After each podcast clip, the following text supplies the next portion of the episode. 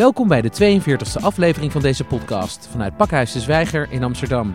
Mijn naam is Maurice Seleki en ik spreek met Paulien Wessendorp, duurzaam ondernemer en mede-initiatiefnemer van 02025. Op woensdag 10 juli is Paulien spreker tijdens het programma The Making of Schoon Schip. Over de totstandkoming van de meest duurzame drijvende wijk van Europa in Amsterdam-Noord. Welkom Paulien. In Amsterdam sta je bij ingewijden bekend uh, als een typische stadmaker. Misschien wel zelfs een superstadmaker. Wat is een stadmaker in jouw optiek? Ja, dat is uh, best een leuke vraag om mee te beginnen. Ik vind een stadmaker iemand die de stad maakt. En uh, die maakt hem zoals hij zelf denkt dat het best is. En dus ik heb er ook wel over nagedacht of dat dan betekent dat hij, zo, dat hij ook duurzaam moet zijn. Of dat je ook de stad kan afbreken als je dat liever wil. Of wapens wil verkopen als je denkt dat dat de stad maakt. In mijn ogen is een stadmaker iemand die de stad duurzamer maakt. En dus uh, mooier maakt. Dus dat denk ik. En, en dan ben ik eentje op het stukje energie, schone energie. Wanneer ben jij eigenlijk je, ja, met die missie om de stad schoner te maken en duurzamer te maken, wanneer is dat bij jou begonnen? Eigenlijk 2004 misschien in 2001 ben ik de richting opgegaan van hele wijken, gebieden op schone energie krijgen. Dus toen ben ik dat gaan, vak gaan leren. Maar in 2004 ben ik mijn eigen bedrijf begonnen, New Energy. Dat bestaat 15 jaar en drie weken. Nee, en een maand. Um, en dus eigenlijk ja, een jaar of uh, 18, zo'n beetje geleden. Ja, uh, ben ik bezig met, ging ik, want toen stortten de vliegtuigen neer in Amerika. En toen dacht ik van, maar wat wil ik eigenlijk? Ik heb ook drie maanden op de bank gezeten. Want je hebt zelf trouwens ook bij Fokker gewerkt. Weet je of dat ja. iets met die vliegtuigen te maken heeft? Nou, dat gelukkig niet. maar ik, nee, dus de economie stortte in. En daarvoor had ik altijd baantjes en kon ik doen wat ik wilde, bedrijfskunde. Dus ik kon alle kanten op. En toen ineens dacht ik van, ja, wat wil ik eigenlijk? Werd mij ook gevraagd, wat wil je eigenlijk? En toen heb ik drie maanden op de bank gezeten. En toen dacht ik, ik wil of iets met schoon vervoer of iets, of iets met wijken op eigen energiegebieden.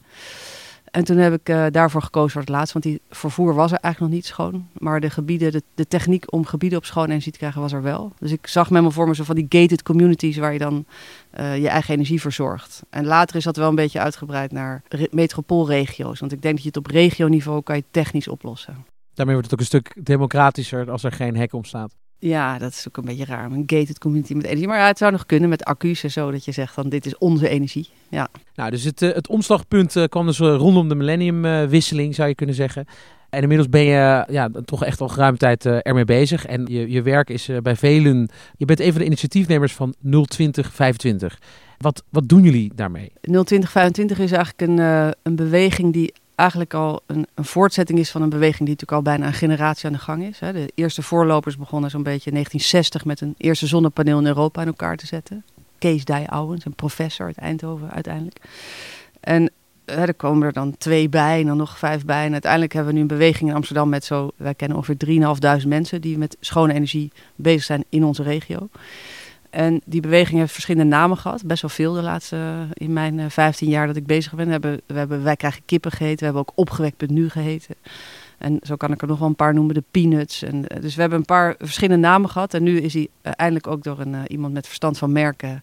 Ruurt Priester heeft dat bedacht. Van de Hogeschool van Amsterdam. En hij is ook goedgekeurd door iemand van een merkenbureau. Die zegt dit is echt een goede naam. Want het doel zit erin. En er zit ook een, ja, het is een mooi logo. Wat, wat 020 verwijst naar Amsterdam en ja. uh, 25 naar 2025, wanneer ja. Amsterdam 750 jaar bestaat. Goed. En zo komt alles samen. Hè? Dus in 2025 wil je eigenlijk CO2 vrij zijn met 020, 25. Ja, nou en dat is dus het grappige. Je kan hem dus nog wel op meerdere manieren uitleggen, inderdaad. Want we hebben eigenlijk de mogelijkheidsdenkers en de realiteitsdenkers de kans gegeven om zich in dit logo en de naam te herkennen. Want de een zegt inderdaad 0 in 2025. En de ander zegt 020 is koploper in 2025. Maar inderdaad, het is sowieso gericht op het feest van Amsterdam, 750 jaar bestaan. Dan vieren we feest, hoe ver we ook zijn. Want je kan eindeloos discussiëren of je het nou wel of niet gaat halen. Maar wij zeggen, we beginnen gewoon. En wat we dus doen met 02025 is eigenlijk alle mensen die beginnen of begonnen zijn... of klaar zijn, verbinden. Dus de mensen die al een huis of een kantoor of een sportclub of uh, school al op schone energie hebben... die zetten we op een lijst, zeggen nou bedankt, draag je kennis over. En uh, ontmoet elkaar. En, en de mensen die willen starten of al gestart zijn, die ondersteunen we zoveel mogelijk. En dat is de koploper aanpak. Dus dat is wat 02025 doet. Wij doen de koplopers ondersteunen. En het, het, is ook een, online platform, maar jullie organiseren ook evenementen. Dus het is zowel online als offline zijn jullie een platform. Kun je een klein beetje uitleggen waarom jullie voor die aanpak hebben gekozen? Ja, dat offline, dat is eigenlijk ontstaan. Ik was in Amerika. Daar ben ik drie weken, mocht ik alle projecten in, in vijf staten bezoeken op gebied van energie. Die vanuit de overheid, vanuit onderwijs, vanuit ondernemers en vanuit de samenleving kwamen. Venture capitalists, die kwamen samen, die hadden een energieontbijt. één keer per week. En uh, toen dacht ik, dat is een goed idee. Dus toen kwam ik terug en dat was uh, nou, 120 keer geleden. Dus we hebben nu ons 121ste energieontbijt. Dus ik geloof een jaar of vier geleden. Nee, nee, nee, veel langer. Acht jaar geleden. Nou, dat, dat ik in Amerika was, moet ik even goed nadenken. Um, dus je hebt het een beetje afgekeken van de VC's. Ja, precies. De venture capitalist. Ja, en die, die man die, die, die had dat georganiseerd. Die had 10 minuten per persoon. Dus je had een soort spreker. Die zei, je hebt 10 minuten om met mij te praten.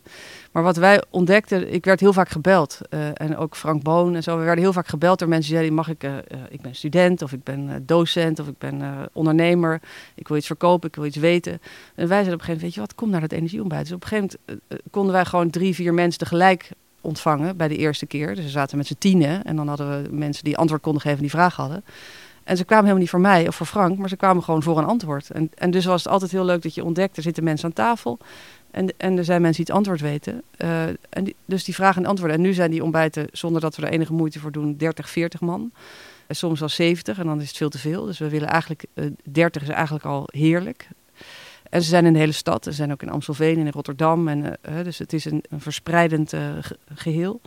Mensen vinden het slim, want het, het werkt heel goed om gewoon de community elkaars vraagstukken te laten beantwoorden. En juist door te zeggen, ik ben hier als mens, of je nou ambtenaar bent of ondernemer of uh, iemand vanuit een buurt. Uh, uh, en ik wil gewoon een, een, antwoord op mijn vraag. En er is altijd iemand in de zaal die het weet. Mooi. Dus het is een olievlek die steeds verder verspreid wordt.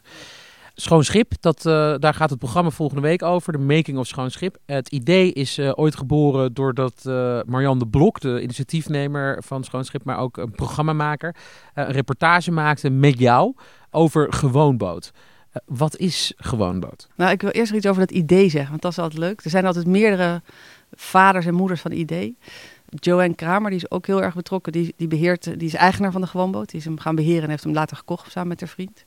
Die heeft ontdekt dat er een foto is, ik denk uit 2006, van uh, de makers van de gewoonboot. Dat waren twee woningcorporaties uit uh, Zwolle en Kampen. Delta Wonen is er één van. Nee, het was één woningcorporatie, die zat in twee steden, Delta Wonen. En Delta Wonen die had een hele vloot. Een foto van een vloot, dat ze zagen, we willen een 20, 30 gewoonboten bouwen. Dus er is een foto al, dus dat idee is er eigenlijk al. Dat zweeft ergens in de lucht. We hebben toen ook nog wat ideeën gehad. We hebben allemaal expertsessie gehad op de NDSM-werf. Toen we opgewekt nu de energie-expositie hadden over drijvende wijken en alles. Dus dat idee zit al natuurlijk in de lucht. Uh, wij hebben toen die gewoonboot naar Amsterdam gehaald met onze energie-expositie. Uh, en, en, inderdaad, Marianne de Blok kwam daarop af om een filmpje te maken. Hoe werkt dat, zo'n boot? Dat was voor de Rabobank in Weert. Waarom, weet ik eigenlijk niet precies. Volgens mij wilden ze ik weet het niet precies. waarom. ook al een koploper in de energietransitie. Ja, dus dat is heel grappig dat je nooit weet waar. Dus zij zag dat en uh, ik, had net, ik was net bevallen, dus ik had een klein kind. En dus ik heb gezegd: kom bij me thuis. En ik woon achter het Olympisch Stadion bij 180 woonarken. Dus er lag niet één boot, maar 180. In Amsterdam Zuid? In Amsterdam Zuid.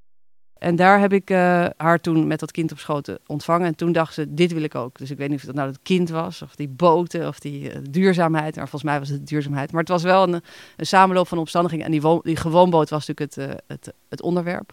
Maar ze, had wel zoiets, ik wil met, samen met een buurtje. Dat was volgens mij haar, haar inspiratie. Maar ze heeft dus eigenlijk gezien dat er dus een wijkje was van verschillende duurzame woonboten. En dat, dat is eigenlijk het, het, concept waar ze op aansloeg. Ja, nou ik denk dat ze de gewoonboot was duurzaam. Onze boot was duurzaam. In mijn wijk waren, zijn twee of drie andere boten in, op dat moment waren er bezig met duurzaamheid. Dus dat was, onze wijk was nog niet duurzaam. Hij is nu wat duurzamer. Uh, maar onze boten zijn oude boten, dus niet iedereen is met duurzaamheid bezig. De 180 woonarken, dus we zijn nog niet klaar. Maar we zijn wel een heel eind. Er zijn een stuk of 50, 60 die zonnepanelen, energiebesparing, uh, dat soort dingen hebben. Ja. En dan nog even de gewoonboot, want dat, dat is toch een specifieke naam. Wat, wat is een gewoonboot? De gewoonboot is een boot uh, van 6 meter breed en 20 meter lang. Heel mooi, met een heel mooie hoek erin. Die, van ramen die je helemaal open kan schuiven. Dat je heel mooi vindt. Het is echt een mooi gemaakte boot. Dus waar dat heel mooi uit... jij woont ook? Nee, dat is de gewoonboot. Die ligt in Noord bij de op NDSM-werf voor Café uh, Noorderlicht. Die is van Jan en Joanne. En die boot is een vergaderlocatie. Die vindt ook allemaal prijzen, omdat het een perfecte vergaderlocatie is. Maar het is een, gewoon een mooie boot. En ze hebben hem een gewoonboot genoemd, omdat ze eigenlijk zeiden... die woningcorporatie bestond 100 jaar, Delta Wonen. En die zei, eigenlijk is het heel gewoon om uh, uh, met duurzame technieken te bouwen. En dat was in 2006. Dat zou standaard moeten zijn. Ja, 2006, 2007 hebben ze dat gedaan. Ja, dus uh, daarom hebben ze hem de gewoonboot genoemd. Van straks is dit gewoon. Voor ons is het nog nieuw. Dus daar hebben ze echt heel veel moeite en geld ook in gestopt. En dat is dus wel mooi dat het nu dus een, een voortgezet is in meer. Ik krijg daar kippenvel van. Dat dat dus zo'n. dat zijn dan twee vaders, noem ik dat. Twee mannen die dat daar gedaan hebben. En die hebben dat gewoon ja, verder weten te brengen. En wij hebben naar Amsterdam gehaald. Ik wil, hij was toen te koop. En toen zeiden we, ja, wij willen hem wel kopen, maar uh, uh, we hebben geen geld. En toen heeft de KEI... De woningcorporatie in Amsterdam? Ja, heeft hem naar Amsterdam gevaren. Die hebben hem ook beheerd uh, een paar jaar. En die hebben hem toen uiteindelijk verkocht aan Jan en Joanne. Mooi. Nou, dit is toch wel wat bijzondere oral history over de totstandkoming van zo'n project. Schoon Schip, de meest duurzame drijvende wijk van Europa. 46 huishoudens, 100 bewoners. Vertel. Ja, nou, daar zijn wij natuurlijk als buurt in Amsterdam-Zuid natuurlijk nog wel uh, uh, mee bezig. Wie er nou de meest duurzame drijvende wijk is van Europa. Dus daar willen we nog wel een keer... Een, uh, nou, we hebben laatst een, een, buurtbarbecue cadeau gegeven. Zijn we met onze buren die een cateringbedrijf hebben... daar friet gebakken en, en koffie geschonken. Toen zij allemaal binnenkwamen varen. Want wij denken van ja, die duurzame drijvende wijk. Wat is duurzaamheid? Hè? Dat is natuurlijk altijd de vraag. Is dat om materiaal of gaat het ook om sociale duurzaamheid? Dus uh, zover zijn ze misschien nog niet. Dat ze al een geheel zijn. Hè? Ik weet dat ze het wel zijn. Maar nee, het is natuurlijk een fantastisch project. Het is, uh, hè, ze zijn al dus heel lang bezig. Mijn zoon was een half jaar, dus dat was in 2008. Is Marianne de Blok komen filmen. En uh, het is nu 19, dus 11 jaar geleden.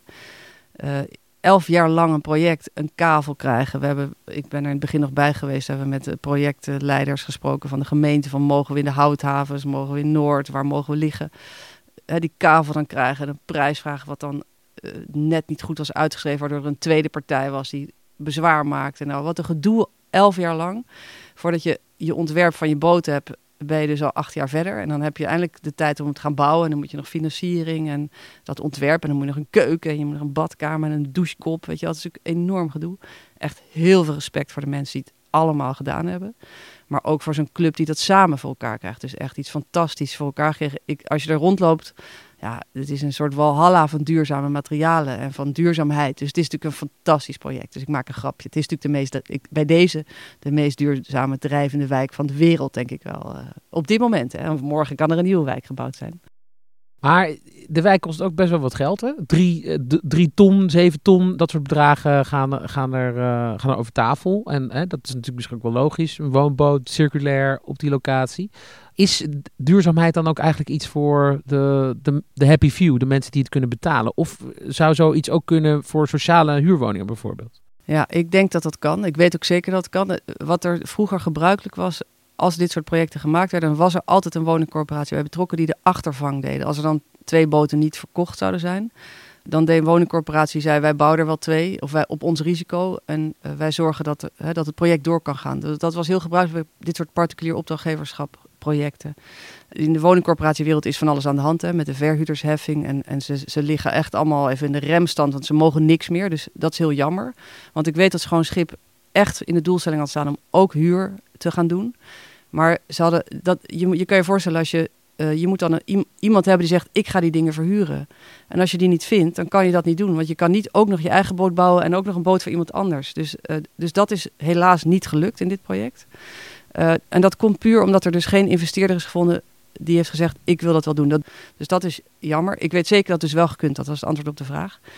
En over de prijs: je gaat altijd zover als je budget is.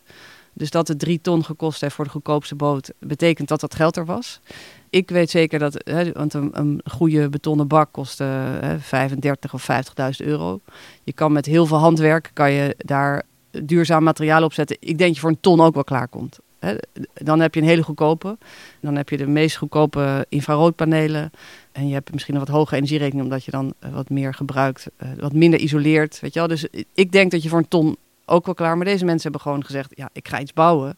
Ik ga zo mooi mogelijk bouwen als ik kan. Maar reken maar uit, je kan per vierkante meter wat je bouwt, uh, reken je 1000 euro per vierkante meter. Als je goedkoop bouwt, of misschien wel 750 of 500. Hè. Hoe, je, hebt, je hebt natuurlijk ook in de wereld allemaal projecten van mensen die bouwen gewoon met de handen en met geleend en gehuurd en ge, gevonden materiaal bouwen. Dus het kan zeker goedkoper. Maar deze mensen hadden blijkbaar het geld om ook voor de drie ton te gaan. En, en over die happy few, uh, we hebben dat laatste genoemd van uh, wat fantastisch dat deze mensen dit hebben kunnen doen. dat is de happy view. Dat je dus elf jaar lang geknokt hebt. Uh, dat, dat er dus mensen zijn die zo gelukkig waren dat ze dit bij hun werk, bij hun kleine kinderen, bij hun ellende die ze hadden. Uh, dat gewoon het leven blijft natuurlijk sukkelen, zegt mijn buurman altijd. dat je dan dit, dan ben je, dan ben je echt iemand van happy view, dat je dat daarnaast hebt kunnen doen. En dat je, dat je het voor elkaar hebt gekregen. Dus ik vind de happy view klinkt een beetje zo van het is alleen voor de rijken. Nou, deze mensen hebben echt keihard gewerkt. En, en het, het, is inderdaad zo dat ze dus blijkbaar drie ton hebben kunnen vinden en geleend hebben. En alle potjes die ze hadden hebben aangesproken. En er zijn een paar die hebben zeven ton uit de zak getrokken. Die, hè, dat waren dan de echte happy, happy view. Die dan dus ook nog eens veel geld hebben. Maar die andere happy view wil ik echt uitleggen van dit zijn mensen die gewoon die duurzaamheid principes ook hebben kunnen vasthouden. En dit gerealiseerd hebben. Dus dat is echt, nou, daar krijg ik ook weer kippenvel van. Hoe mooi dat is. Dat, dat er dus mensen eh, zo gelukkig zijn dat ze dit kunnen doen. En ze geven ook een signaal af aan, aan de rest van de wereld, uh, aan de rest van de stad. Welk signaal is dat volgens jou? Dat er mensen zijn die durven dromen en dat realiseren. En dat, ze, dat het dus mogelijk is om echt heel duurzame criteria op te zetten. En dat met elkaar vast te houden en elkaar er ook op aan te spreken. Want dat hebben ze ook echt. Ze hebben heel veel sessies gehad over materialen. En uh, dat is denk ik uh, de, de, de belangrijkste boodschap van het kan. Als je echt wil, dan kan dit. Dus in feite is dit hele project ook een uh, blijk van stadmakerschap. Ja. Puur zang eigenlijk. Definitely. En zeker de, het doorzettingsvermogen van die, zeker van die beginclub. En, en ook van het bestuur wat het natuurlijk later heeft overgenomen. Al die hobbels die ze hebben gehad. En natuurlijk krijg je ruzie. Ik, daar weet ik niks van gelukkig, want ik ben er niet zo bij. Maar natuurlijk krijg je gedoe onderling. En, en gebeuren er dingen, dat weet ik niet hoor. Maar er is een community, dus altijd gedoe. Hoort ook. Maar dat ze dit voor elkaar hebben gekregen en dat het zo'n mooi club is. Als je daar rondloopt, voel je gewoon de vrolijkheid en de luchtigheid. En, uh, en, ja, en het is prachtig. Het is echt een prachtige wijk. Het is echt een voorbeeld voor de stad en de wereld. Ja. Verwacht je ook dat er in het uh, Amsterdam, het, groeiende, maar ook een klein beetje um, met goede stuipen, kampende Amsterdam, dat er nog meer drijvende woonwijken bij zullen komen? Um, dat is een goede vraag. Want dat lichtplaatsen, daar had ik zelf ook een iets optimistischer beeld van uh, een jaar of vijftien geleden. Ik dacht, er, kunnen zo uh, honderden boten bij in Nederland. Maar dat is nog niet gebeurd. Wat er nu gaat gebeuren, is natuurlijk veengebieden, ook in Amsterdam-Noord, gaan onder water gezet worden. Want dan komt er minder CO2 vrij. Nou, dan gaat het boerenland dus weg, veengebieden. Misschien ga je zeggen, leggen we daar misschien tijdelijk of langer woonboten neer. De grond klinkt in, dus er zijn kansen. Ja, het is natuurlijk wel weer bouwgebied. Maar ja, ik heb al heel lang, we hebben op school leraren tekort. Dus als je nog iemand weet voor de zesde klas van mijn zoon, graag. Ik zeg altijd, koop die boten uit België. Er zijn van die, van die Rijnaken over. Maak ze duurzaam, leg ze neer. Zet al die leraren erop. Per boot, ik geloof 30 leraren. En je hebt weer uh, uh, 150 woonplekken. Dus ik zie wel drijvend wonen, zeker voor dit tijdelijke probleem, heel goed plan. En je hebt dus van die Rijnaken die nu gratis zijn, omdat ze de verkeerde motor hebben. Ze mogen niet meer varen. Gemeente Amsterdam, ik hoop dat u meeluistert. Woningcorporaties, gratis tip van Paulien Westerdorp. Paulien, uh, dan kan ik me ook nog voorstellen dat mensen zich af zullen vragen... ja, maar is een woonboot of een drijvend huis... is dat, uh, is dat überhaupt duurzamer dan een gewoon huis op het vasteland? Mm, goeie vraag. Wat het nadeel is van een boot... is dat je natuurlijk aan zes kanten water of lucht hebt... Dus je hebt eigenlijk, het is een vrijstaande woning. Hè. Het is natuurlijk veel efficiënter om gewoon lekker te stapelen. Dan heb je een buitenmuur. De meeste Amsterdamse woningen zijn natuurlijk gewoon VVE-appartementen van een vereniging van eigenaar. Uh, die zitten ingeklemd. Dus als je dan gaat isoleren, hoef je eigenlijk alleen maar voor en achter de ruiten te isoleren ben je klaar. Want de rest zit, uh, wordt geïsoleerd door de rest. Um, hè, de buitenkant moet dan ook, maar dan hoef je maar één keer. Dus een woonboot is niet heel efficiënt qua energie, qua materiaal. Dat, dus dat zou ik zeggen, het is niet een, de oplossing om nou heel veel vrijstaande woningen. Voor, de, voor het woningvraagstuk is dat niet de oplossing. Was dat je vraag? Nou, dat is eigenlijk nog een tweede vraag. Want aan de ene kant is het, is het duurzamer? Ja. Nou, eigenlijk dus niet echt helemaal. Maar dan is er ook nog het woningvraagstuk. Zou Amsterdam ook een drijvende stad kunnen zijn voor het woningvraagstuk? Maar dat geef je nu net aan, dat is eigenlijk ook niet zo efficiënt. Nee. Maar dan gaan we even nog even terug naar jouw eigen uh, project. Hè, wat 02025, toen jullie ermee begonnen. Toen was 2025 best wel ver weg nog.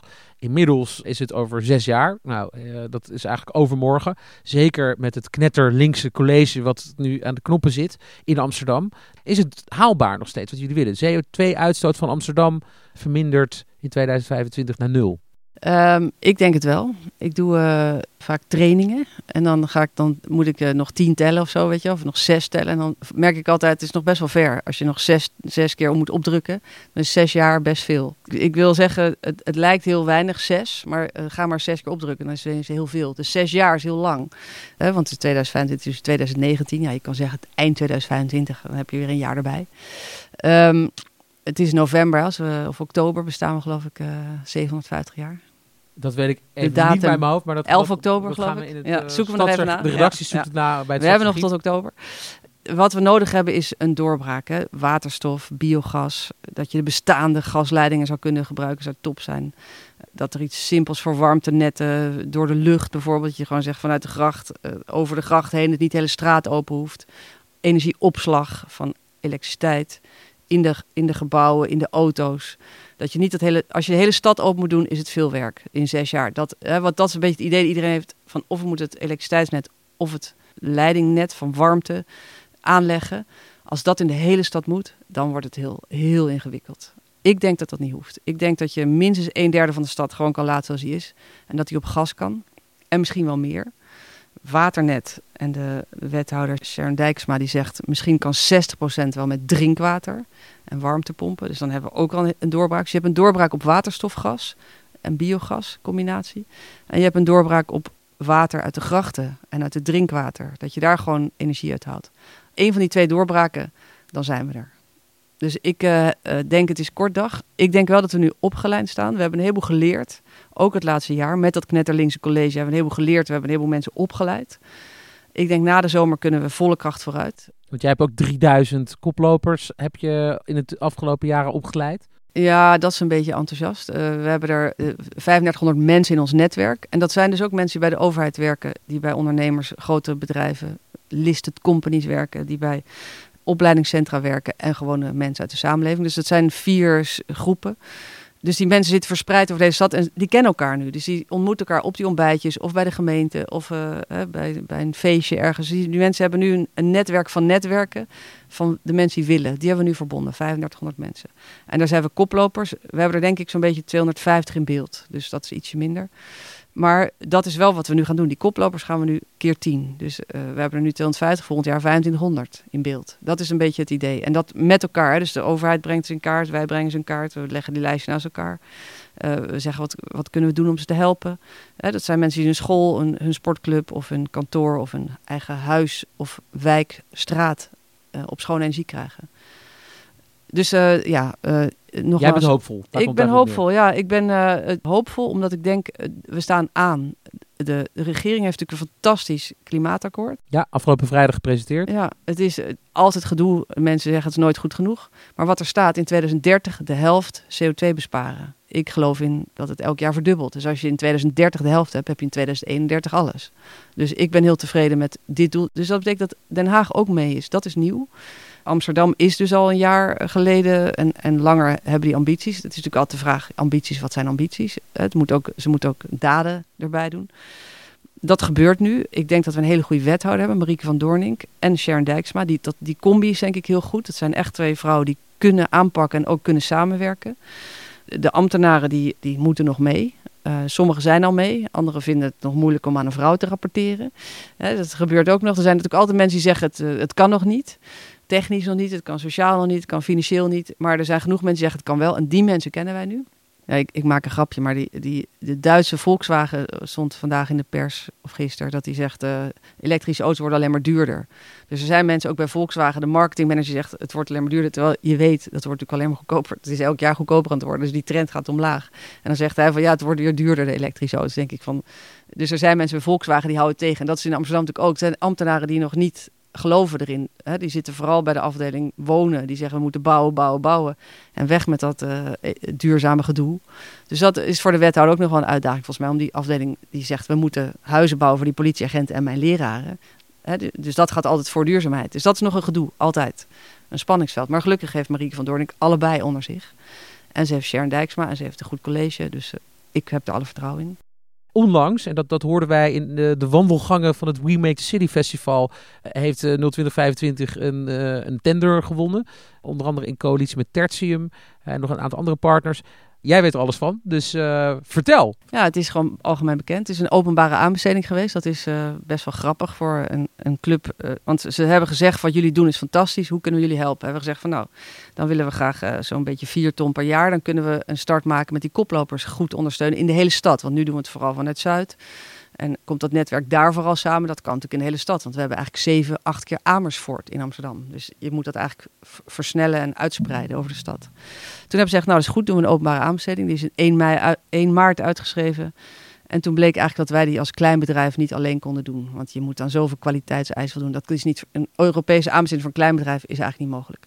En toen hebben partijen ons ook benaderd van we willen dat graag samen met jullie doen. Dus we hebben, zijn door grote partijen benaderd die dit soort aanbestedingen de hele dag doen. Die denken, nou dat is mooi, uh, dat ging dan zo'n 1,4 miljoen voor vier jaar. Uh, en die zeggen van, hé uh, hey, dat is interessant, dan kunnen wij, nou 1,4 miljoen, is ongeveer 6 FTE per jaar. Dus zes mensen volledig aan het werk een paar jaar lang. Dat is interessant, wij gaan meedoen. Terwijl wij werken heel anders. Wij zeggen van, wij willen activiteiten organiseren en wat kost dat? En dan gaan we dat begroten in die aanbesteding moesten wij samenwerken met partijen die dus heel anders denken dan wij. Wij denken vanuit ons hart en we beginnen. En dan later kijken, is er geld? We maken plannen, we gaan starten. We zijn niet zo georganiseerd. Terwijl die grote bedrijven zijn super georganiseerd. Heel strak, weten precies wat dit kost, wat iemand kost. Maar die denken misschien iets minder over wat het resultaat is wat nodig is. Maar die denken meer wat is goed voor mijn bedrijf. Dus dat spanningsveld is heel interessant. Ga je voor winst of ga je voor doel? Bij ons is doel de baas. Bij hun is dat de organisatie blijft voorbestaan het baas. En maar die daarin, twee dingen merk je ook weer dat stadmakers DNA. Want dat, dat, dat, dat, dat, is ook vanuit het hart voor de stad gedreven. Ja. Maar alleen maar hard is, niet, is ook niet efficiënt gebleken hè, tot nu toe. Dus het is juist heel goed om ook een beetje zakelijk te worden. Ik, we hebben een ondernemerscoöperatie, wij zijn iets zakelijker. Maar nu werken met partijen samen. Dat je denkt, oh dat is ook wel handig hoe zij werken. Dus dat is supergoed om nu te zeggen, we werken dus nu met Twijnstra Gudde en DWA. Met de kandidatenmarkt en met Van de Jong en met Tertium en Oranje Energie in een zes partijen consortium. En ja, wij zeggen... Gudde, dat is een consultant. Van de Jongens communicatiebureau. Tertium is ook een soort van consultant. Oranje Energie is een energiemaatschappij. Ja, dat zijn wij. Dat, dat zijn dus een, een, groep ondernemers die zeggen... wij willen Amsterdam koploper schoon energie. En de kandidatenmarkt is ook een heel interessante partij. Die hebben dus heel veel mensen. Want het grootste probleem van de energietransitie... is dat we niet genoeg mensen hebben die het uit kunnen voeren. Dus wij zijn onwijs blij dat we in Nieuw-West... en ook in Zuidoost en ook in Noord... hele grote netwerken hebben van mensen die zeggen... wij hebben hier allemaal mensen... Uh, gebruik ze maar, weet je, of, of zet ze in, want ze willen leren, ze willen werken. Waar zijn die banen? En, en zorg dat het op elkaar aansluit. En het kandidatennetwerk is daar expert in, dus dat is fantastisch. We, hebben nu ook een pool met mensen die we kunnen gaan opleiden. En dat moet ook heel snel. Dat is eigenlijk de grootste vraagstuk nog. Ja. Mooi. Maar dus, dus, even, ja, dus het consortium dat is heel hoopvol. Een nieuwe manier van samenwerken, dat is een uitdaging. Maar het is een super leuke club mensen. En heel spannend, omdat die werkwijze is natuurlijk uit elkaar. De uurtarieven, weet je, hoe doe je dat? Dus het is heel erg uitvinden. Maar wij zijn ervan overtuigd dat wij met die koplopers die willen... en met die bedrijven die ook heel graag willen... nu een vorm gevonden hebben dat we kunnen samenwerken. Want, en daar is Tertium toevallig dan inderdaad een heel fijne partij... want die kunnen uh, denken in contracten die werken. Dus dat is heel prettige uh, samenwerking tot nu toe. Ja, een echt Amsterdamse aanpak. Om even een referentie naar de Amsterdam approach te maken. Ja. Multi-stakeholder approach. Paulien, die koplopers, hè, zowel uh, als het gaat om schoon schip als uh, in uh, jouw werk voor 02025, is dat eigenlijk een soort centraal begrip. Waarom eigenlijk die koploper? Wat, wat, wat is er zo, waarom wil je op kop lopen? Ja, nou ja, ik ben zelf best wel competitief ingesteld. En ik weet dat een derde van de mensen dat is in, in, in de wereld of in Nederland. twee derde is daar niet zo mee bezig. Die willen gewoon iets leuks samen doen of die willen iets goed voor het milieu doen. Maar ik hou wel van competitie. En, en het, is natuurlijk koplopen. Je kan met een heleboel mensen voorop lopen. Hè. De Elfstedentocht werd uh, in 63 geloof ik gewonnen door acht mensen tegelijk. Dat is natuurlijk het allermooiste. Dus wat wij willen, eigenlijk dat alle wereldsteden voorop lopen. Samen. En, maar je leert van iemand anders. Eh, als jij ziet dat die gaat harder op iets, dan kan je zeggen: hey, heb jij nieuwe schoenen? Weet je wel? Of je hebt een windpak, weet je wel, of windstrips. Uh, dus ik vind het interessant om te kijken hoe kan het andere mensen het schone vervoer of die, of die warmtepompen, welke warmtepompen hebben ze in Duitsland, in, in Berlijn, weet je wel? Door te zien hoe hard iets gaat bij iemand anders, kan je dus van elkaar leren. Dus ik zie die competitie als coöperatief, een coöperatieve competitie. Wij, wij delen ook al onze kennis, open source. Het maakt mij niet uit als Berlijn wint of uh, Rotterdam, dan vieren we het feestje daar. Maar wij zeggen, wij willen als Amsterdam 750 gewoon uh, het liefst schoon zijn of, of al koploper. En we leren van elkaar. De afgelopen jaren is het uh, debat verhard. Uh, steeds meer mensen gaan uh, de straat op. Ook nieuwe generaties gaan de straat op. Hebben we die actievoerders nodig? Of werken ze de vooruitgang eigenlijk juist tegen? Goeie vraag. Er is een, een model voor samenwerking. Dan heb je een kring waarin je zegt: we gaan met z'n allen in een soort samenwerksverband samenwerken. En daar mag iedereen in die onder bepaalde voorwaarden die kring instapt actievoerders kunnen daar waarschijnlijk niet in, want die hebben een achterban en die hebben een, een, uh, ja, die hebben een missie die niet past met samenwerken. Dus ik geloof heel erg dat actiepartijen altijd zullen blijven bestaan. Er zullen altijd nog milieuvraagstukken blijven. En, en ik denk even aan Greenpeace bijvoorbeeld. Ik kan me voorstellen dat Greenpeace niet uh, zomaar in een consortium start die zegt Amsterdam koploper schone energie.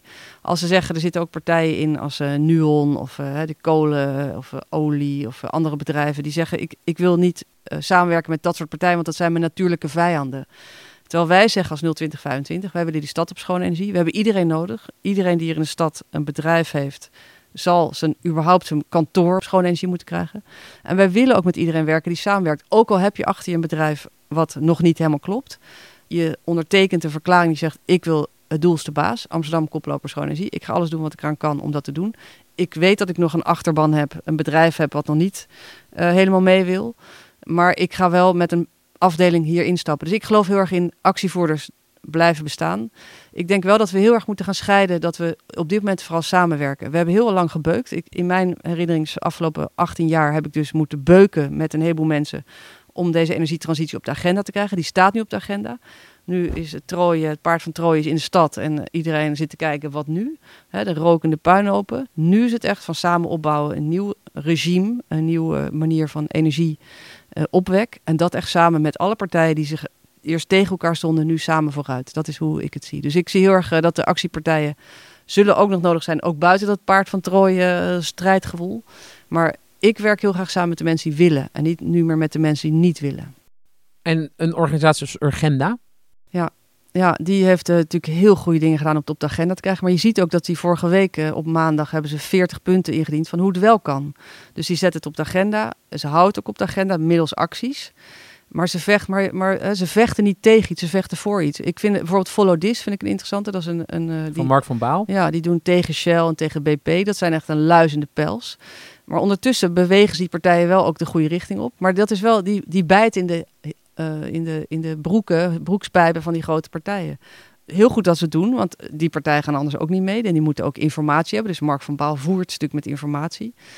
Uh, uh, op een gegeven moment kan je ook afvragen, en dat hebben ze ook gedaan, hè? ze hebben Shell dit jaar losgelaten. En ze zijn nu naar BP en andere bedrijven in een andere landen. Omdat zeggen, Shell is even op de goede weg, laat hem maar even, we doen een ander. Spring op een andere tanker. Ja, ja. Tot slot, Paulien, zou je onze luisteraars nog een boodschap, wens, call to action mee willen geven? Ja, nou, het is heel simpel eigenlijk. Uh, zoek je energiecommissaris in je buurt, in je gebied waar je woont, in je postcode op. Als je niet kan vinden, kom naar een energieontbijt of ga naar 02025.nl. Vraag aan Thijs of aan Paulien of aan Frank wat je volgende stap is. Dus kom naar een offline of een online platform 02025.nl en sluit je aan. Dus voor een van die 3501 mensen. En, en dan hebben we over een jaar 35.000 mensen. Ja, dus sluit je aan en ga gewoon je gebouw, je, je sportclub, je school op schone energie krijgen. En uh, het is ook niet zo ingewikkeld als iedereen het met de buurt, met je school samen doet. Zijn het eigenlijk kleine vraagstukken. Dankjewel, Podium Westerdorp. Heel veel succes met alles. Jullie ook bedankt. Beste luisteraars, dit was de 42e aflevering van de podcastserie van Pakhuis de Zwijger. Op woensdag 10 juli is het programma The Making of Schoon Schip over de totstandkoming van de drijvende wijk Schoon Schip in Amsterdam-Noord in Pakhuis de Zwijger. Voor meer informatie over dit programma en andere programma's van Pakhuis de Zwijger, kijk op dezwijger.nl. Meer weten over podcasts? Kom dan naar de Podcast Show. Een programma over podcastcultuur waar we ook weer een live podcastopname van maken voor deze serie. Volgende week donderdag 11 juli in Pakhuis de Zwijger. Met onder meer Lex Bolmeijer van de correspondent, Mirjam van Zuiddam en Thomas Ruip van NRC en Richard den Haring van podcastluisteren.nl. Een rating achterlaten of je abonneren op deze podcast kan via SoundCloud, Spotify, iTunes of een ander podcastplatform. Bedankt voor het luisteren en tot de volgende keer.